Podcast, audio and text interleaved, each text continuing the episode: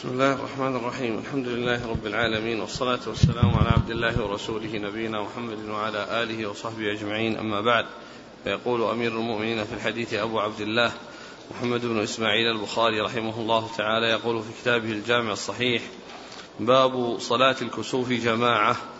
وصلى ابن عباس رضي الله عنه عنهما لهم في صفة زمزم وجمع علي بن عبد الله بن عباس وجمع علي بن عبد الله بن عباس وصلى ابن عمر. قال حدثنا عبد الله بن مسلمة عن مالك عن زيد بن أسلم عن عطاء بن يسار عن عبد الله بن عباس رضي الله عنهما أنه قال انخسفت الشمس على عهد رسول الله صلى الله عليه وسلم فصلى رسول الله صلى الله عليه وسلم فقام قياما طويلا نحو قراءة سورة البقرة. ثم ركع ركوعا طويلا ثم رفع فقام قياما طويلا وهو دون القيام الأول ثم ركع ركوعا طويلا وهو دون الركوع الأول ثم سجد ثم قام قياما طويلا وهو دون القيام الأول ثم ركع ركوعا طويلا وهو دون الركوع الأول ثم رفع فقام قياما طويلا وهو دون القيام الأول ثم ركع ركوعا طويلا وهو دون الركوع الأول ثم سجد ثم انصرف وقد تجلت الشمس. فقال صلى الله عليه وسلم إن الشمس والقمر آيتان من آيات الله لا يخسفان لموت أحد ولا لحياته. فإذا رأيتم ذلك فاذكروا الله. قالوا يا رسول الله رأيناك تناولت شيئا في مقامك ثم رأيناك كعكعت. قال صلى الله عليه وسلم إني رأيت الجنة فتناولت عنقودا ولو أصبته لأكلتم منه ما بقيت الدنيا. وأريت النار فلم أر منظرا كاليوم قط أفظع ورأيت أكثر أهلها النساء. قالوا بما يا رسول الله؟ قال بكفرهن. قيل يكفرن بالله. قال يكفرن العشير ويكفرن الإحسان. لو أحسنت إلى إحداهن الدهر كله ثم رأت منك شيئا قالت ما رأيت منك خيرا قط. بسم الله الرحمن الرحيم الحمد لله رب العالمين وصلى الله وسلم وبارك على عبده ورسوله نبينا محمد وعلى آله وأصحابه أجمعين. أما بعد أورد البخاري رحمه الله هذه الترجمة وهي صلاة الكسوف جماعة وأورد هذا الحديث الطويل عن عبد الله بن عباس رضي الله تعالى عنهما وقبل ذلك ذكر الآثار المعلقة فقال صلى ابن عباس لهم في صفة زمزم. صلى ابن عباس لهم يعني معناه أنه صلى لهم جماعة. لأن محل محل الترجمة هو موضع الترجمة صلاة الجماعة في الكسوف. فقال صلى لهم في في في صفة زمزم يعني أنه في مكة وذلك يعني مكان بحول زمزم أو فوق سطح زمزم كما جاء في بعض الآثار. والحاصل والمقصود من ذلك ذكر صلاة الجماعة ذكر صلاة الكسوف جماعة. وبعده وقال وجمع علي بن عبد الله بن عباس وصلى ابن عمر. وجمع يعني علي بن علي بن عبد الله بن عباس وصلى ابن عمر. يحتمل أن يكون يعني هذا يعني حصل منه أنه جمع يعني صلى بهم جماعة. وكذلك أيضا صلى ابن عمر يعني جماعة. وعلي بن عبد الله بن عباس هذا هو الذي من ذرية خلفاء بن العباس. ذرية خلفاء بن العباس ومن ذرية علي بن عبد الله بن عباس. نعم. جمع وصلى. نعم. الفرق؟ يعني جمع يعني صلى جماعة أو أنه جمعهم وصلى إذا كان المقصود أن, أن, أن, أن, أن, أن الذي جمع واحد والذي صلى آخر أو أنه جمع يعني صلى بهم جماعة وكذلك صلى ابن عمر يعني جماعة لأن المقصود بالترجمة هو صلاة الجماعة.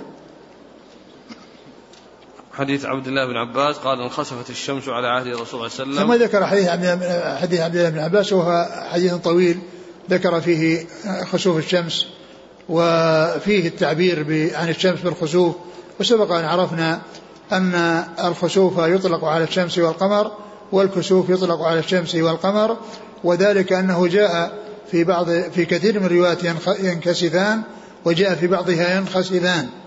وفي ذلك إضافة الكسوف إليهما والخسوف إليهما.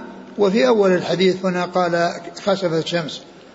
ف فالخسوف يطلق على كل منهما والكسوف يطلق على كل منهما أي الشمس والقمر. خسفت الشمس. نعم. انخسفت الشمس على عهد رسول الله صلى الله عليه وسلم فصلى فقام قياما طويلا. فصلى يعني صلى بالناس.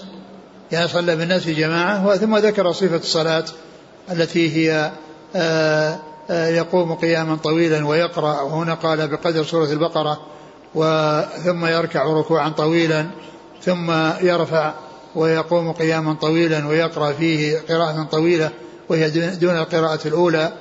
ثم بعد ذلك يعني يركع يعني الركوع الثاني يعني ركوعا طويلا ولكنه دون الأول ثم يرفع بعد الركوع ويسجد ويأتي بسجدتين ثم يأتي بالركعة الثانية مثل الأولى إلا أنها أقل إلا أنها أقل منها. ثم إنه خطب الناس وقال إن الشمس والقمر آيتان من آيات الله لا ينكسفان لموت ينكسفان وينخسفان. لا يخسفان. لا يخسفان مثل ما ذكر في الأول لموت أحد ولا لحياته. وعرفنا أن ابنه إبراهيم كان مات في ذلك الوقت وكان معروف في الجاهلية أنهم يقولون أنها أن أن الكسوف يكون لموت عظيم. والرسول صلى الله عليه وسلم بين أن هذا الذي كان الجاهل يعتقدونه أنه أنه باطل وأنه غير صحيح وأن وأن الخسوف من الله عز وجل إذا شاء أوجده ويحصل فيه ذلك التخفيف التخويف للعباد وليس ذلك ولا ولا علاقة للكسوف بالحياة والموت. ولهذا قال لما كان المشهور الموت أضاف إليه الحياة وكان يوم مات إبراهيم ابنه إبراهيم أضاف إلى الحياة الحياة إلى الموت يعني أن الكسوف لا لا علاقة له أو لا يكون متعلقا بموت عظيم أو حياة عظيم. نعم. بعد. بعد. قال يا رسول الله رأيناك تناولت شيئا في مقامك ثم رأيناك كعكعت ثم, ثم إن الرسول عليه الصلاة والسلام قال إن سألوه قالوا إنا رأيناك تقدمت من مقامك وكأنك تتناول شيئا ورأيناك تكعكعت أي تأخرت ورجعت القهقراء فقال عليه الصلاة والسلام إنه أري الجنة وأري النار. وأري الجنة وأطلع عليها ورأى على قيد عنب متدلية فمد يده ليأخذ عنقودا ثم إنه ترك وقال لو أخذت منه ما لأكلتم ما بقيت الدنيا. فبين عليه الصلاة والسلام المقصود أو الذي حصل منه من أجل التقدم ليتناول آه، شيء من العناقيد ثم رأى النار و ورآها يحتم بعضها بعضا ورأى المعذبين فيها مثل الذي حبست الهرة ومثل الذي كان يسرق الحاج بمحجنه ورأى يعني بعض المعذبين يعني في, في النار فتقهقر لما رآها وأن الصحابة سألوه بعد ذلك فبين لهم سبب التقدم وسبب التأخر وفي ذلك قدرة الله الدلالة على قدرة الله عز وجل حيث أطلع نبيه صلى الله عليه وسلم على الجنة والنار في قبلة المسجد وفي جدار المسجد ويعني أمامه والصحابة من ورائه لا يرون الجنة ولا النار وإنما يرون آه، آه، مده يده صلى الله عليه وسلم إلى الأمام ويرون تقهقره إلى الوراء ولكن ما عرفوا الذي آه، تقدم من أجله ولا الذي تأخر من أجله. ثم إنه ذكر النساء وقال وقال إنه لما رأى النار قال رأيت أكثر أهل النساء رأيت أكثر أهل أهل أهل أهلها النساء. قيل بما يا رسول الله؟ يعني إيش سبب الكثرة؟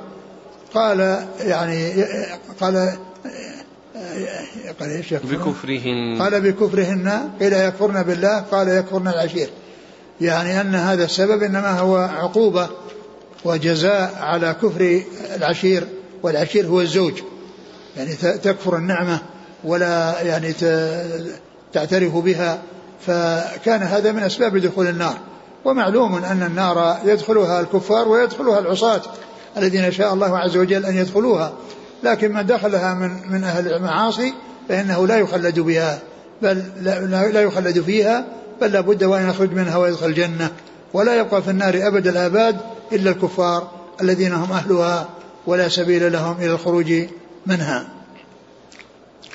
فبين عليه الصلاة والسلام أنه بكفرهن أي بكفرهن العشير يعني يكفرن النعمة ويكفرن الإحسان.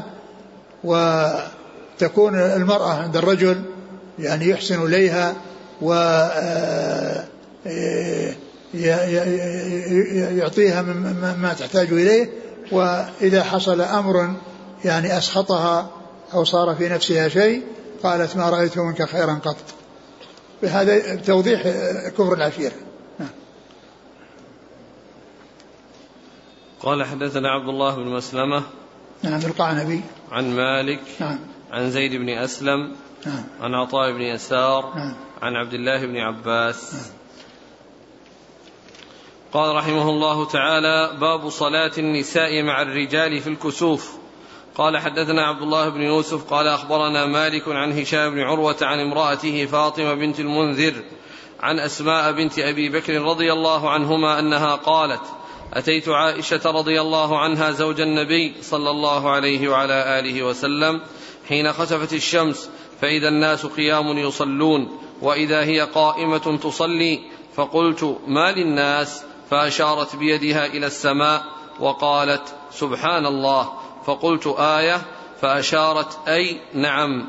قالت فقمت حتى تجلاني الغشي فجعلت أصب فوق رأس الماء. فلما انصرف رسول الله صلى الله عليه وعلى آله وسلم حمد الله وأثنى عليه ثم قال ما من شيء كنت لم أره إلا قد رأيته في مقامي هذا. حتى الجنة والنار. ولقد أوحي إلي أنكم تفتنون في القبور مثل أو قريبا من فتنة الدجال. لا أدري أيتهما قالت أسماء. يؤتى أحدكم فيقال له ما علمك بهذا الرجل؟ فأما المؤمن أو الموقن لا أدري أي ذلك. قالت أسماء فيقول محمد رسول الله صلى الله عليه وعلى آله وسلم. جاءنا بالبينات والهدى فأجبنا وآمنا واتبعنا فيقال له نم صالحا فقد علمنا إن كنت لموقنا. وأما المنافق أو المرتاب لا أدري أيتهما قالت أسماء فيقول لا أدري سمعت الناس يقولون شيئا فقلته. ثم ذكر صلاة النساء مع الرجال في صلاة الكسوف. و وفي هذا أيضا دليل على صلاة الجماعة الذي ترجم له في الباب السابق. وذلك في قوله وإذا الرجال الناس قيام يعني يصلون يعني مع رسول الله صلى الله عليه وسلم. وهذا فيه يعني آه، أما الدلالة به على صلاة النساء لأن عائشة كانت تصلي وهي أيضا دخلت معهم في الصلاة وأيضا جاء في حديث سابق أنها أنها يعني أنه لغط النساء يعني فذهبت إليهن تسكتهن ثم رجعت وكان النبي صلى الله عليه وسلم يخطب فهذا فيه الدلالة على على خروج النساء لصلاة الكسوف وأنهن يصلين الكسوف مع الناس. فذكر في هذا الحديث أن أن أن أن أن أن, أن انكسفت الشمس وأنه صلى بالناس وأن عائشة كانت تصلي معه وجاءت ويعني لا تدري ما الذي حصل فسألتها يعني ما شأن الناس؟ يعني هذا شيء يعني غريب شيء لا يعرفون لا يعرفونه من قبل. فقال سبحان الله وأشارت إلى السماء فقالت آية فأشارت برأسها النعم يعني إشارة مفهمة في يعني بالجواب بأن أنه قد حصل أن هذا حصل. يعني وهي كما أن هناك إشارة بال يعني بال بالموافقة وإشارة بالمخالفة. يعني في شيء يعني بمطابق للشيء يسأل عنه وشيء مخالف للذي يسأل عنه. وهذه الإشارة مفهومة عندهم معلومة عندهم. وأما في هذا الزمان ففي بعض البلاد الإشارة بالرأس إلى جهة الأمام. يعني نعم. وأما إذا يعني يراد به عدم الموافقة للشيء الذي يسأل عنه فإنه يحرك رأسه يمينا وشمالا. هذا هو الموجود يعني يعني في في هذا الزمان في بعض البلاد. أما بالنسبة لما مضى يعني كيف ذلك لا أدري. ولكن فيه شيء مفهم أو شيء علامة مفهمة بحركة آه، الرأس آه، بالموافقة أو بذكر الشيء الذي يسأل عنه وأنه هو هذا الذي يسأل عنه وأن ذلك صحيح. وأسماء سبق مرة حديث ذكر أسماء في حديث أسماء فيما مضى وأنها كانت أصابها غشي يعني ولكنه غشي ليس بشديد يعني ضعف. فكانت تأخذ وترش على على رأسها وعلى وجهها من أجل هذا الذي قد حصل. إيش بعده؟ فلما انصرف الرسول صلى الله عليه وسلم حمد الله وأثنى عليه ثم قال حمد الله وأثنى عليه وذكر يعني شيئا مما مما رآه وما حصل له وهو بما يتعلق مما حصل وهو, وهو ما يتعلق بسؤال القبر. وفتنة القبر وأن أنهم الناس يسألون في قبورهم عن عن, عن, عن النبي صلى الله عليه وسلم فمنهم من يوفق الجواب ويقول هو هو رسول الله جاءنا بالهدى فاتبعناه ومنهم من يكون بخلاف ذلك ف يعني فهذا يعني في حالة حسنة وهذا في حالة آه، سيئة. وفي هذا ذكر ما يتعلق بفتنة القبر وقد مر في بعض الأحاديث وسيأتي فيما يتعلق بعذاب القبر. يعني ففي آه، ففي خطبته فيه الإشارة إلى فتنة القبر وفيه وفي الحديث الآخر الإشارة أو ذكر آه، عذاب القبر. نعم. قال حدثنا عبد الله بن يوسف. عن مالك؟ نعم. نعم هو التنيسي. عن مالك عن هشام بن عروة عن امرأته فاطمة بنت المنذر. يعني هذا من رواية هشام عن زوجته فاطمة و وهي ابنة عمه لأنه هشام بن عروة ابن الزبير وهي فاطمة بنت فاطمة آه، بنت المنذر ابن الزبير. نعم. عن أسماء بنت أبي بكر. نعم. وهي جدتهما. نعم. يقول هل يجوز للمرأة أن تصلي في بيتها وحدها صلاة الكسوف؟ لا أدري.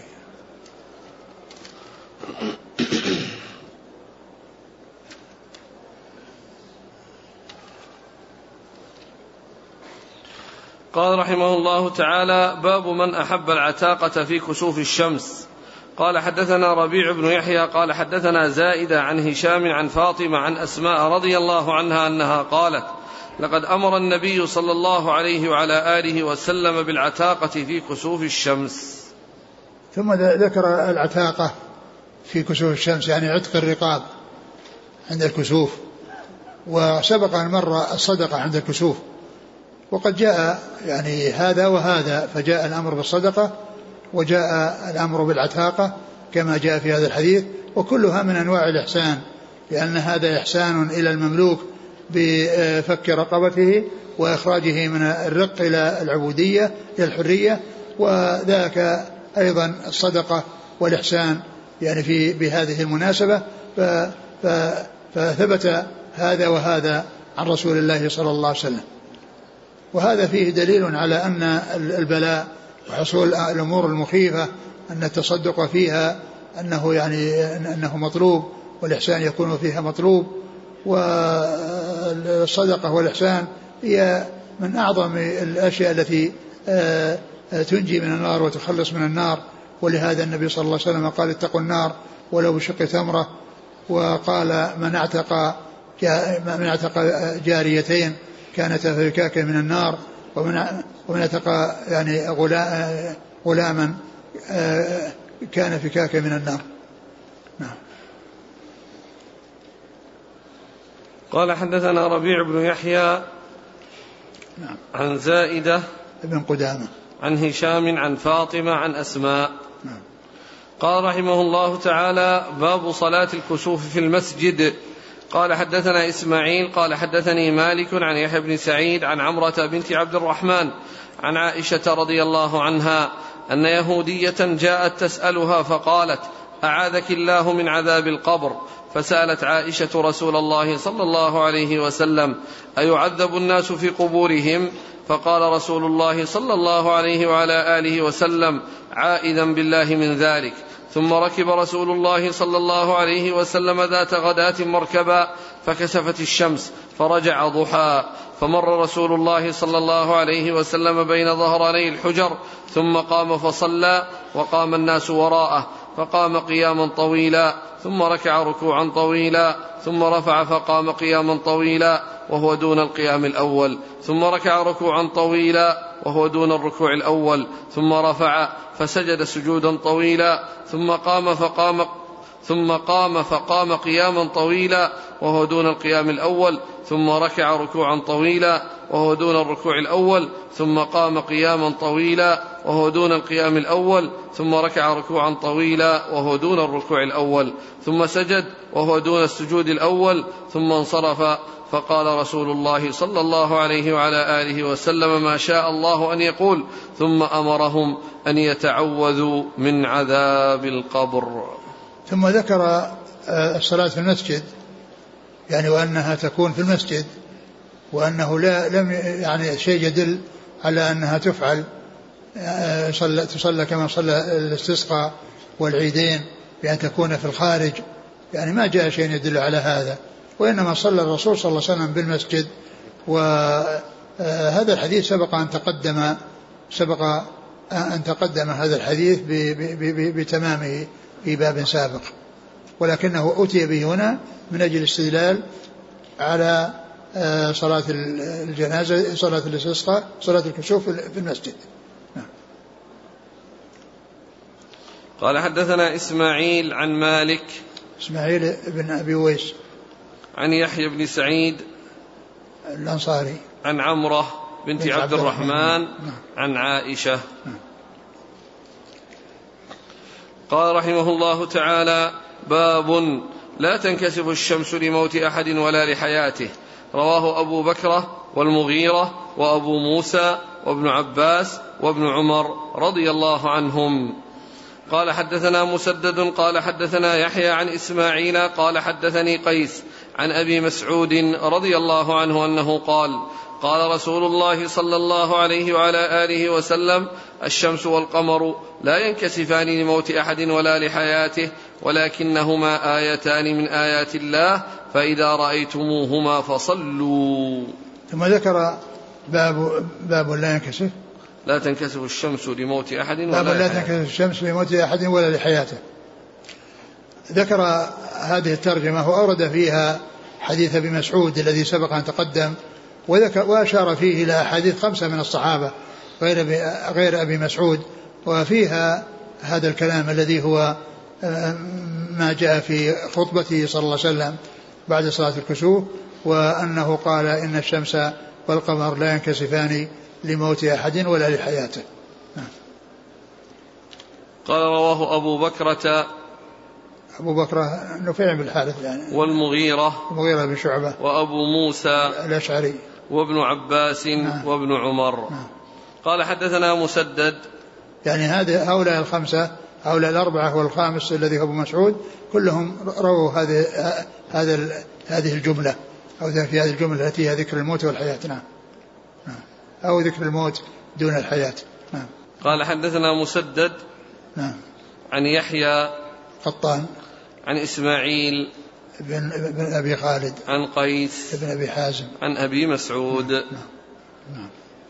قال حدثنا عبد الله بن محمد قال حدثنا هشام قال أخبرنا معمر عن الزهري وهشام بن عروة عن عروة عن عائشة رضي الله عنها أنها قالت كسفت الشمس على عهد رسول الله صلى الله عليه وسلم فقام النبي صلى الله عليه وسلم فصلى بالناس فأطال القراءة ثم ركع فأطال الركوع ثم رفع رأسه فأطال القراءة وهي دون قراءته الأولى ثم ركع فأطال الركوع دون ركوعه الأول ثم رفع رأسه فسجد سجدتين ثم قام فصنع في الركعة الثانية مثل ذلك ثم قام فقال إن الشمس والقمر لا يخسفان لموت أحد ولا لحياته ولكنهما آيتان من آيات الله يريهما عباده.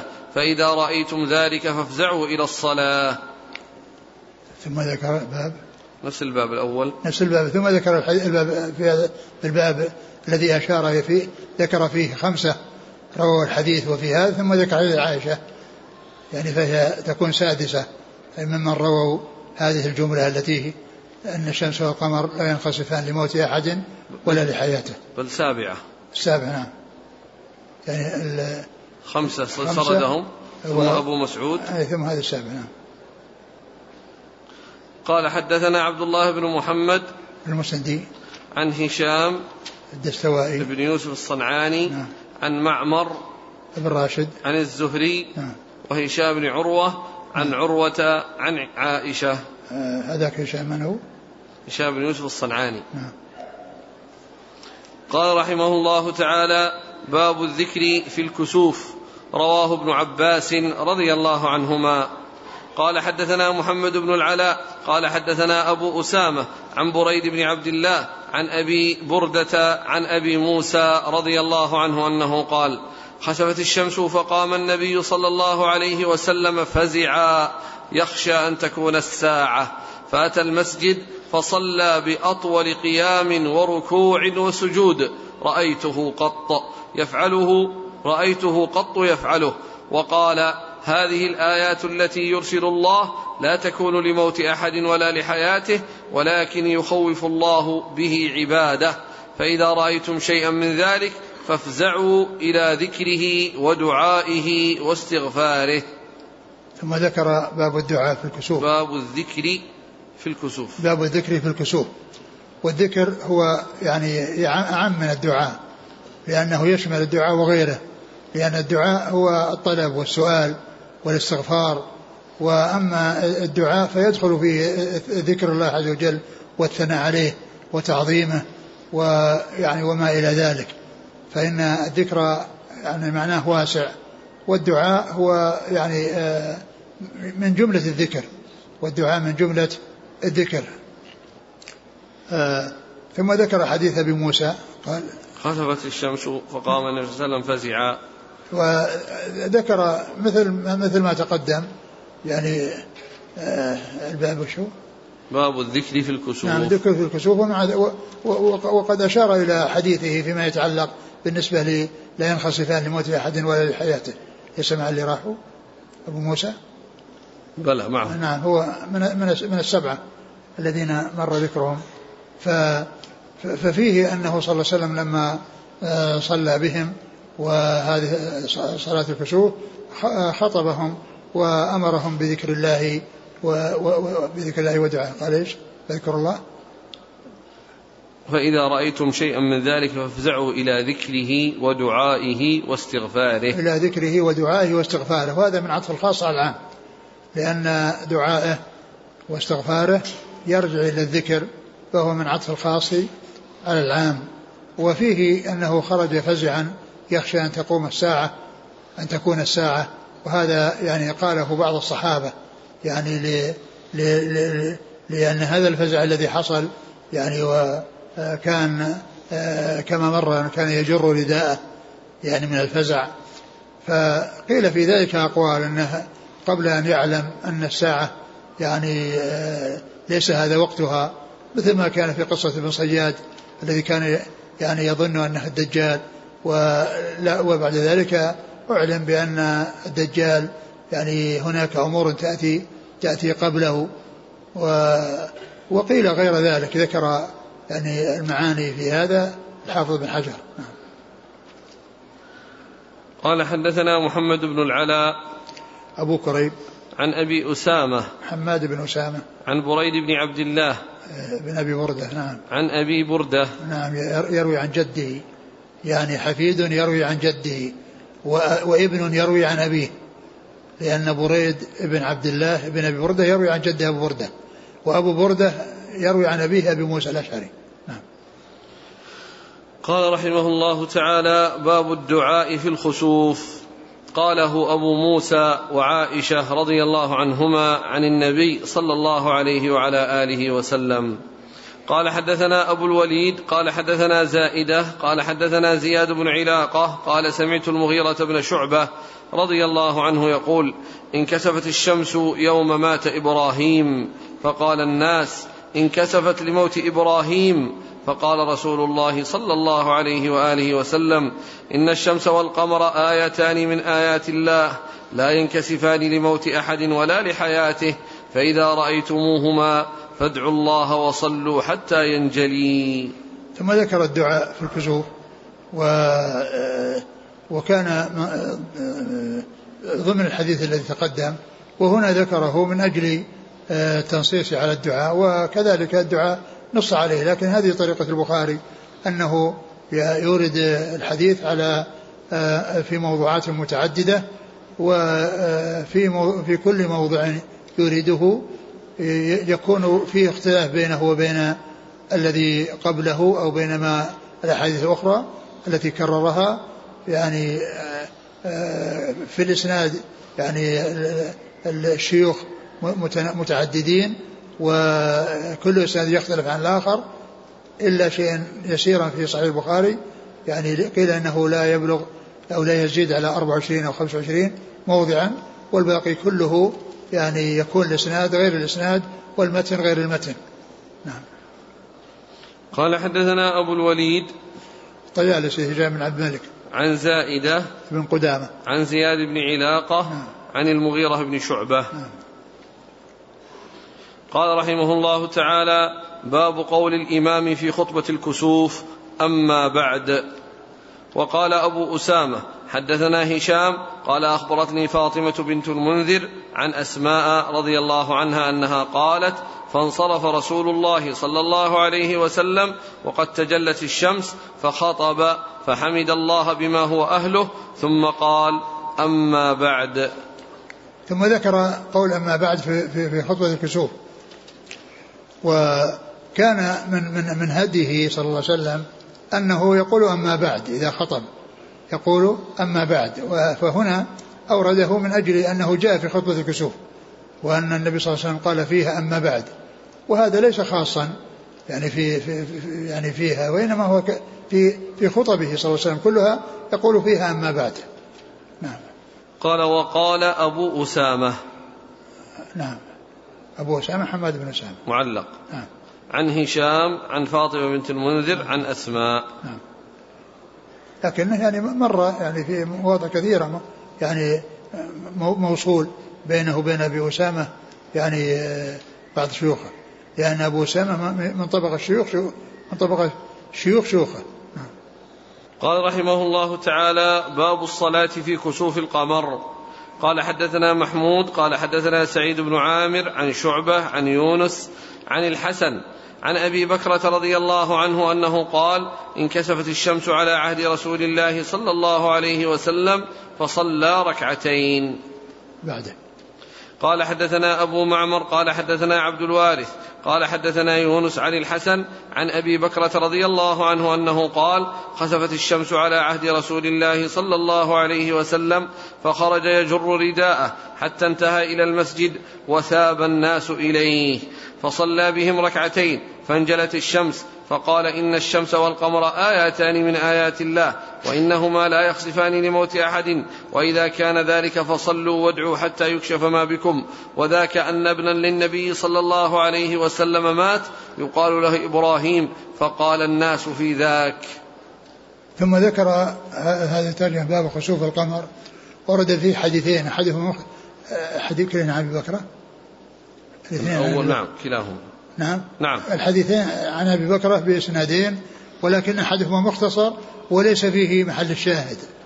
وأما الثاني فهو مطول وفيه محل الشاهد لأنه قال يعني آيتان لا ينخسفان لا ينكسفان لموت أحد ولا لحياته. فقوله ينكسفان يعني يتعلق بالقمر وأن يعني أنه ينكسف وأنه يصلى له كما يصلى للشمس. نعم. قال حدثنا محمود بن غيلان عن سعيد بن عامر نعم. عن شعبة عن يونس عن الحسن يونس بن عبيد عن الحسن البصري عن أبي بكرة نعم. قال حدثنا أبو معمر هو عبد الله بن عمرو المقعد نعم. عن عبد الوارث بن سعيد العنبري عن يونس عن الحسن عن أبي بكرة نعم. قال رحمه الله تعالى باب الركعة الأولى في الكسوف أطول قال حدثنا محمود قال حدثنا أبو أحمد قال حدثنا سفيان عن يحيى عن عمرة عن عائشة رضي الله عنها أن النبي صلى الله عليه وعلى آله وسلم صلى بهم في كسوف الشمس أربع ركعات في سجدتين الأول الأول أطول. ثم ذكر هذا الترجمة باب باب الركعة الأولى في الكسوف أطول. الركعة الأولى بالكسوف أطول من من, من الثانية. الركعة الأولى بالكسوف أطول أطول من الثانية. ثم ذكر حديث عائشة هذا الذي فيه أنه صلى بهم آه يعني أربع ركو أربع ركعات في سجدتين. المقصود السجدتين ركعتين وأربع ركعات يعني ركوعات. يعني ركوع ركعات يعني ركوعات. في سجدتين في في ركعتين.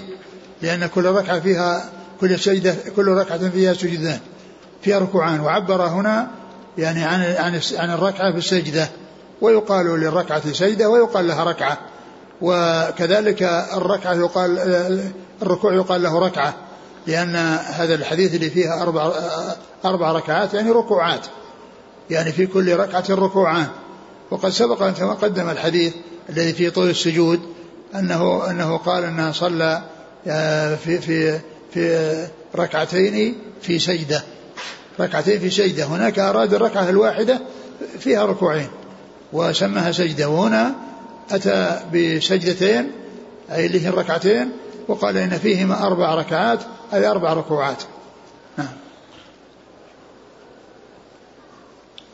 الأول الأول أطول. نعم. يعني الأول اللي هو اللي هو يعني كل كل شيء في الركعة الأولى أطول من من مما في الثانية. قال حدثنا محمود عن أبي أحمد. الزبيري محمد بن عبد الله الزبيري. عن سفيان والثوري عن يحيى عن عمرة. يحيى الأنصاري عن عمرة بن عبد الرحمن. عن عائشة. نعم. قال رحمه الله تعالى باب الجهر بالقراءة في الكسوف. قال حدثنا محمد بن مهران قال حدثنا الوليد قال أخبرنا ابن نمر أنه سمع ابن شهاب عن عروة عن عائشة رضي الله عنها جهر النبي صلى الله عليه وسلم في صلاة الخسوف بقراءته فإذا فرغ من قراءته كبر فركع وإذا رفع من الركعة قال سمع الله لمن حمده ربنا ولك الحمد ثم يعاود القراءة في صلاة الكسوف أربع ركعات في ركعتين وأربع سجدات. وقال الأوزاعي وغيره سمعت الزهري عن عروة عن عائشة رضي الله عنها أن الشمس خسفت على عهد رسول الله صلى الله عليه وعلى آله وسلم فبعث مناديا بالصلاة جامعة فتقدم فصلى أربع ركعات في ركعتين وأربع سجدات. قال وأخبرني عبد الرحمن بن نمر أنه سمع ابن شهاب مثله. قال الزهري فقلت ما صنع أخوك ما صنع أخوك ذلك عبد الله بن الزبير؟ ما صلى إلا ركعتين مثل الصبح إذ صلى بالمدينة. قال أجل إنه أخطأ السنة. تابعه سفيان بن حسين وسليمان بن كثير عن الزهري في الجهر. ثم ذكر الجهر بالقراءة في صلاة الكسوف.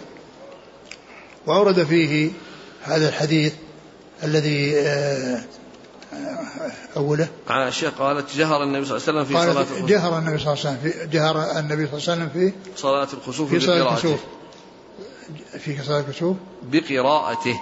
نعم جهر الرسول صلى الله عليه وسلم في صلاة الكسوف بقراءته.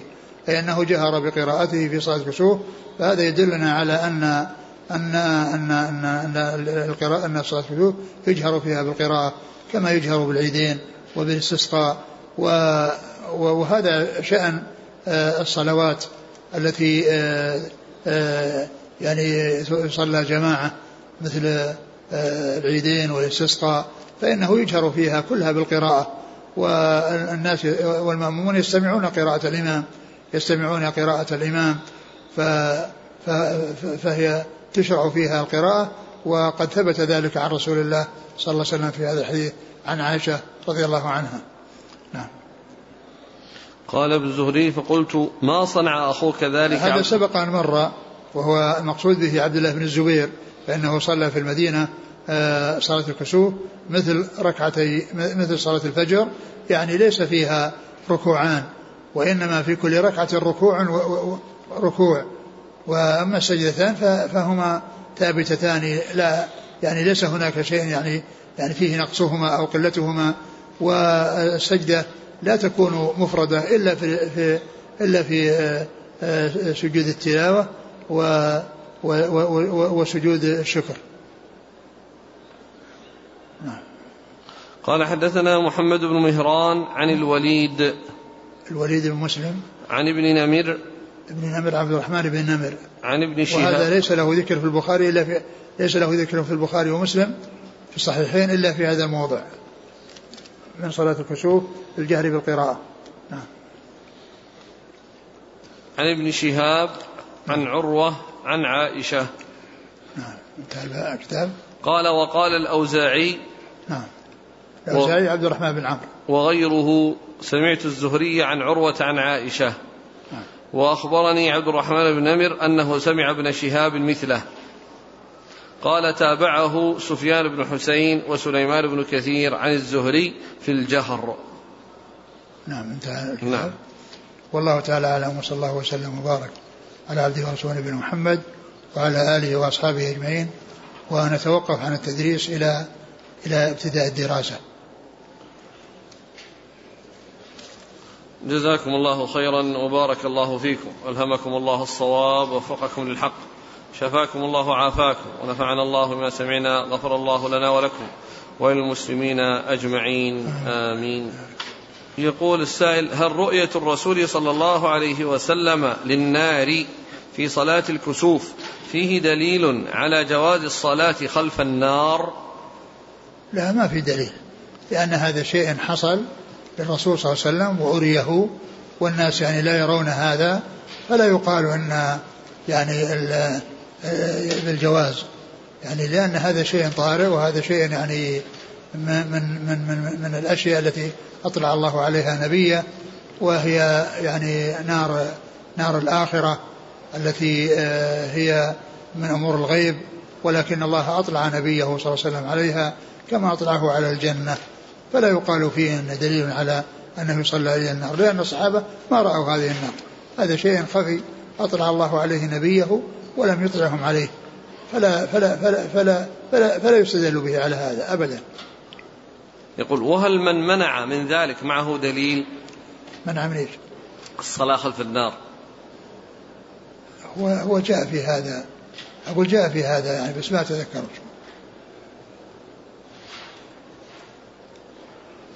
يقول آه، نحن في الصين لا يسمح لنا بصلاة الجماعة غير الصلوات الخمس في المساجد.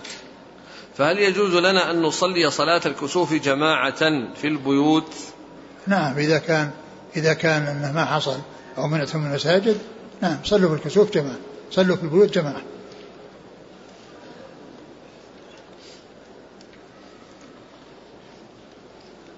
يقول هل يعني ما يشترط في خطبة الكسوف الشروط نفسها التي في خطبة الجمعة؟ يعني هو سبق أن مر أنه حمد الله وأثنى عليه. حمد الله وأثنى عليه. وهذا يعني هو الذي يكون في الخطب. تبدأ بحمد الله والثناء عليه. يعني مثل الشهادة له حمده وشهادة له وكذلك الشهادة لرسوله صلى الله عليه وسلم والصلاة عليه صلى الله عليه وسلم. قوله فجر فخرج يجر رداءه. يقول لا يلزم آه، فيه أنه أسبل أسبل لأن الرداء يكون للجزء, للجزء الأعلى والمنهي عنه هو إسبال الإزار. نعم هو صحيح لكنها يعني الرداء يعني حتى لو أنزل وصار يجره فإنه يقال له إسبال فإنه يقال له إسبال. ف يعني لكن الذي حصل كما عرفنا في المضى أن هذا شيء يعني غير مقصود وأنه فزع وأنه يعني لا يعتبر من لا يعتبر من الإسبال وإنما حصل شيء من غير قصد للنزول لنزول آه، آه، الرداء.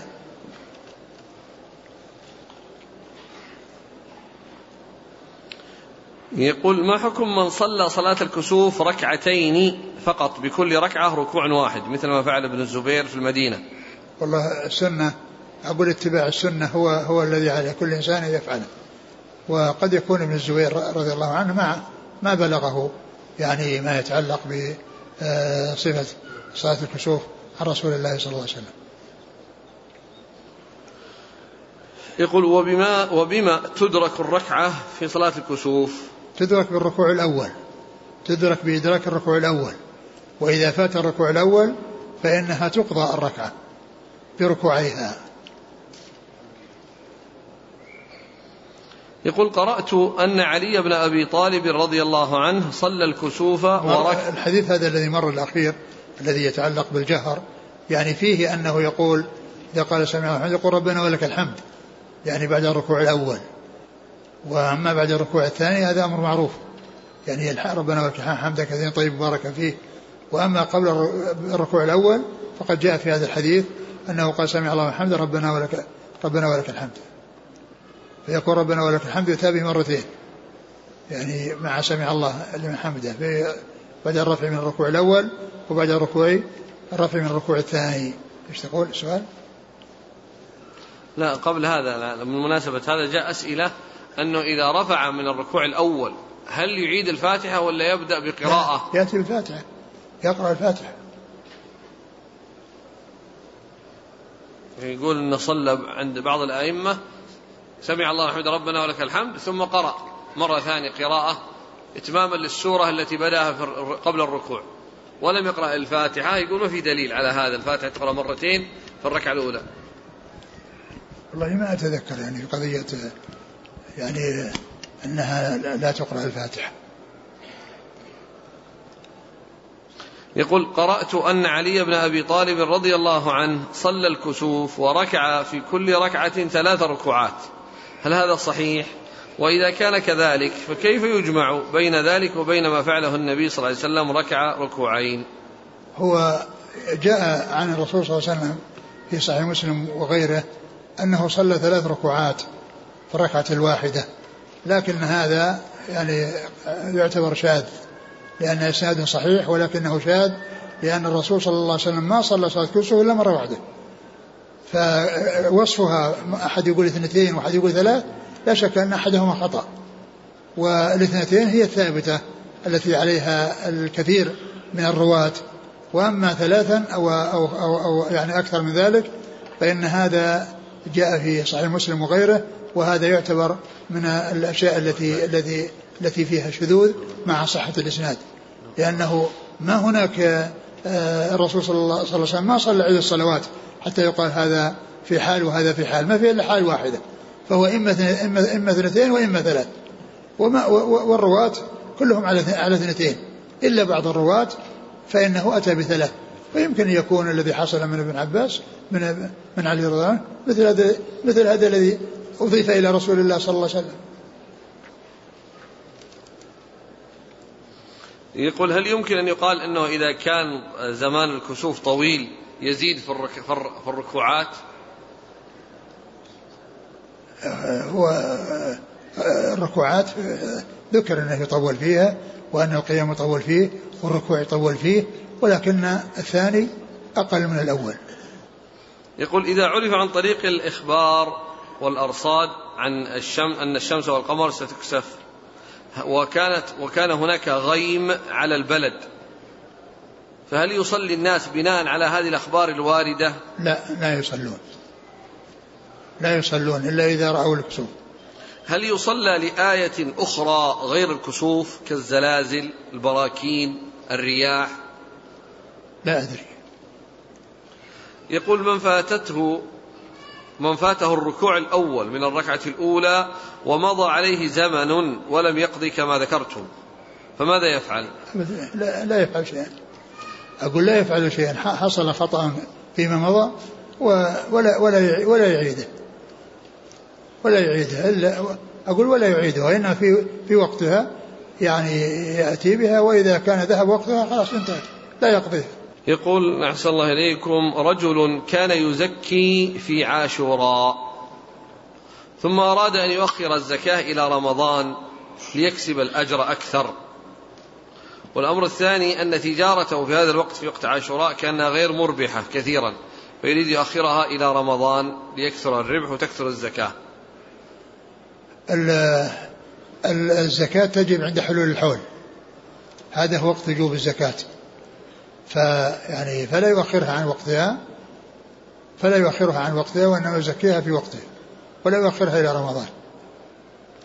نعم إذا أراد أن يزكي في رمضان ثم بعد ذلك يدور مرة أخرى على رمضان فيكون زكاها من من من, من محرم يعني زكاها في محرم وزكاها في رمضان هذا لا بأس له أن يفعل ذلك لأن هذا من باب الإحسان وليس بواجب لكن إذا كان يريد أن يجعل الزمن يعني زمن معين ما هو يترك هذه المدة أو يأخر آه هذه الأشهر. يقول هل ثبت شيء في ساعة الاستجابة يوم الأربعاء بين الظهر والعصر؟ جاء في في في الأدب المفرد يعني عن النبي صلى الله عليه وسلم أنه حصل له ذلك يعني في الخندق. مسجد الفتح؟ في مسجد في في الأدب المفرد. لا في مسجد أنه دعا يعني في هذا المكان في هذا الوقت وأجيب. يقول ذكر ابن حجر في الفتح تحت باب الصلاة في كسوف القمر قال حكى ابن حبان. وبعدين لا يقال أن هذا وقت للإجابة وأنه يعني أن, أن هذا مشروع الناس يدعون في هذا الوقت. الرسول صلى الله عليه وسلم يعني دعا في تلك المناسبة يعني وحصلت ال ال يعني الإجابة له. لكن لا يقال أن هذا مشروع للناس أنهم يدعون في هذا الوقت. أحسن الله إليك لأن الحديث فيه قال جابر فما دعوت في ذلك الوقت إلا نعم هذا اجتهاد من جابر رضي الله عنه. يقول ذكر ابن حجر في الفتح تحت باب الصلاة في كسوف القمر قال حكى ابن حبان في السيرة له أن القمر خسف في السنة الخامسة فصلى النبي صلى الله عليه وسلم بأصحابه صلاة الكسوف وقد جزم بهم غلطاي في سيرته المختصرة وتبعه شيخنا في نظمها. إذا ثبت هذا فهل يمكن نفي الشذوذ عن ثلاث ركوعات؟ إيش؟